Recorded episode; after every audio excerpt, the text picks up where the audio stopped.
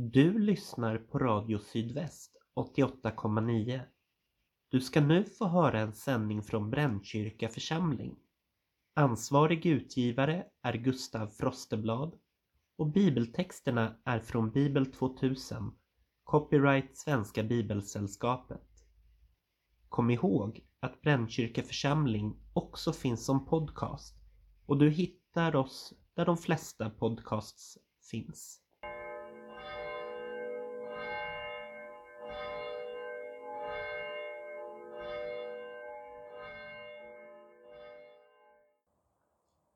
Välkommen till Brännkyrka församling.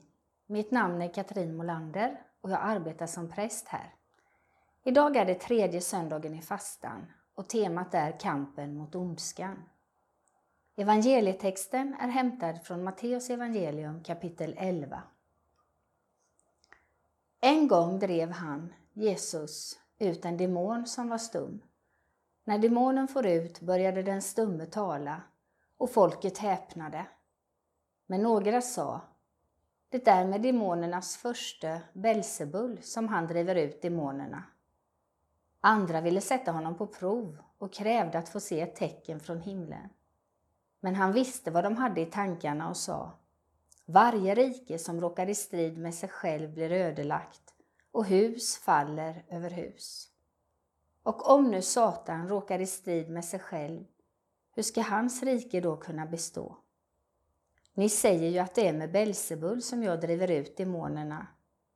Men om jag driver ut demonerna med Belsebul, med vems hjälp driver då era anhängare ut dem?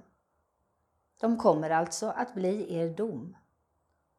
Men om det är med Guds finger jag driver ut demonerna, då har Guds rike nått er.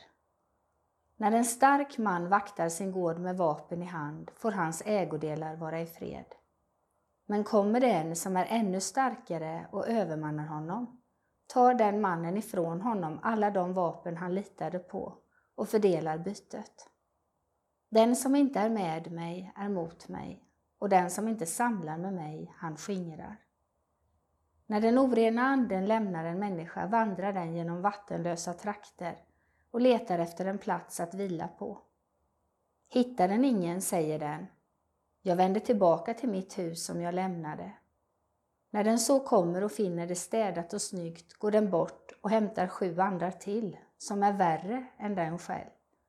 Och de följer med in och slår sig ner där. För den människan blir slutet värre än början. Fake news är något som hör till vår vardag. Det har blivit allt vanligare med fejkade nyheter som formuleras eller snarare fabuleras i så kallade trollfabriker. Och en av världens mäktigaste, president Trump, gick inför presidentvalet 2020 ut och påstod att det var ett riggat val. I samband med valet påstod Trump att det var valfusk. Och efter valet påstod Trump att Joe Biden hade bestulit honom på segern. Det var i sociala medier, Facebook, Twitter och Instagram, som Trump förde sin lögnkampanj. Och det finns all anledning att vara orolig för liknande lögnkampanjer i vårt svenska samhälle. Men eh, fejkade nyheter, det är ju inget nutida påhitt. Vi läser i evangelietexten om hur motståndarna till Jesus försöker snärja honom med lögner när de på falska grunder beskyller Jesus för att samarbeta med Belsebul. Den som inte är med mig är mot, säger Jesus. När vi tänker på vår tid är det ord som är lätta att missförstå. Ofta är det annars despoter och makthungriga som utmålar fiender och avkräver lojalitet. I samma andetag som de förklarar krig så kräver de rättning i leden. I populismens och krigets logik demoniseras den andre. I populismens och krigets logik förläggs ondskan till den andre. Hos Jesus är det helt annorlunda. Visst kan vi höra ekot av Jesu ord till Nikodemus. Så älskade Gud världen. I kärlekens logik ser vi det goda i den andre. I kärlekens logik älskar vi den andre Inte för att hon är lik mig, utan för att hon är olik mig. Jesus visar ständigt i sina möten med människor på kärlekens makt. Den makt som upprättar och ger liv. Jesus kämpar mot inskränkthet och öppnar tillslutna hjärtan. I mötet med Jesus Kristus fördrivs ondskan. Den ondska vi alla bär fröet till inom oss. Och den andra blir en människa, precis som jag. Ett skapelseverk, Guds avbild. Jesus drev inte ut demoner på löpande band. Men i vår berättelse gör han det och Jesus gör det med Guds finger. Ett uttryck som Jesu meningsmotståndare kände igen ifrån berättelsen i Första Mosebok om när Mose befriade Israels folk från Egyptens härskare och förde dem till ett ymnigt land som flöt av mjölk och honung. Underförstått säger Jesus i ord och handling att Guds rike har kommit. Det har nått dem som lyssnade. Det fanns då och finns idag mitt ibland människorna. I den gammaltestamentliga texten möter vi en ung och frustrerad människa som söker sig till händelsernas centrum. Och när David nyfiket rör och förhör sig bland soldaterna så får han frågan Vad gör du här? Ondskan var lika påtaglig för hederpojken David som den är för oss. David är frustrerad över att inget händer. Soldaterna finner sig i situationen. De är som handlingsförlamade. David har en stor portion civilkurage och nöjer sig inte med status quo. Han konfronterar det onda och David hittar också ondskans akilles. Det är med den han är och med det han har som David möter och besegrar ondskan.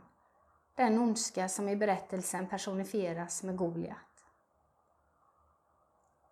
Var och en av oss har delaktighet i världens bortvändhet från Gud. Varje människa har också möjlighet att antingen välja en väg där ord och handlingar resulterar i våld och död, eller söka sig till det porlande friska vattnet som även vill påminna oss om dopets under. Vi går från död till liv. Vi tar Gud till vårt föredöme, så som Gud gestaltas i Jesus. Och vi får ta upp kampen mot ondskan för Guds rike.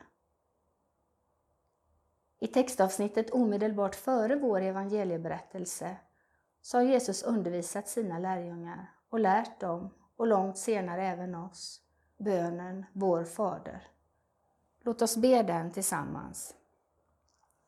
Vår Fader, du som är i himlen. Låt ditt namn bli helgat. Låt ditt rike komma. Låt din vilja ske på jorden så som i himlen. Ge oss idag det bröd vi behöver och förlåt oss våra skulder, liksom vi har förlåtit dem som står i skuld till oss. Och utsätt oss inte för prövning, utan rädda oss från det onda. Ditt är riket, din är makten och äran i evighet. Amen. Ta så emot Herrens välsignelse. Herren välsigne dig och bevara dig. Herren låter sitt ansikte lysa över dig och vara dig nådig. Herren vände sitt ansikte till dig och give dig frid. I Faderns och Sonens och den helige Andes namn. Amen.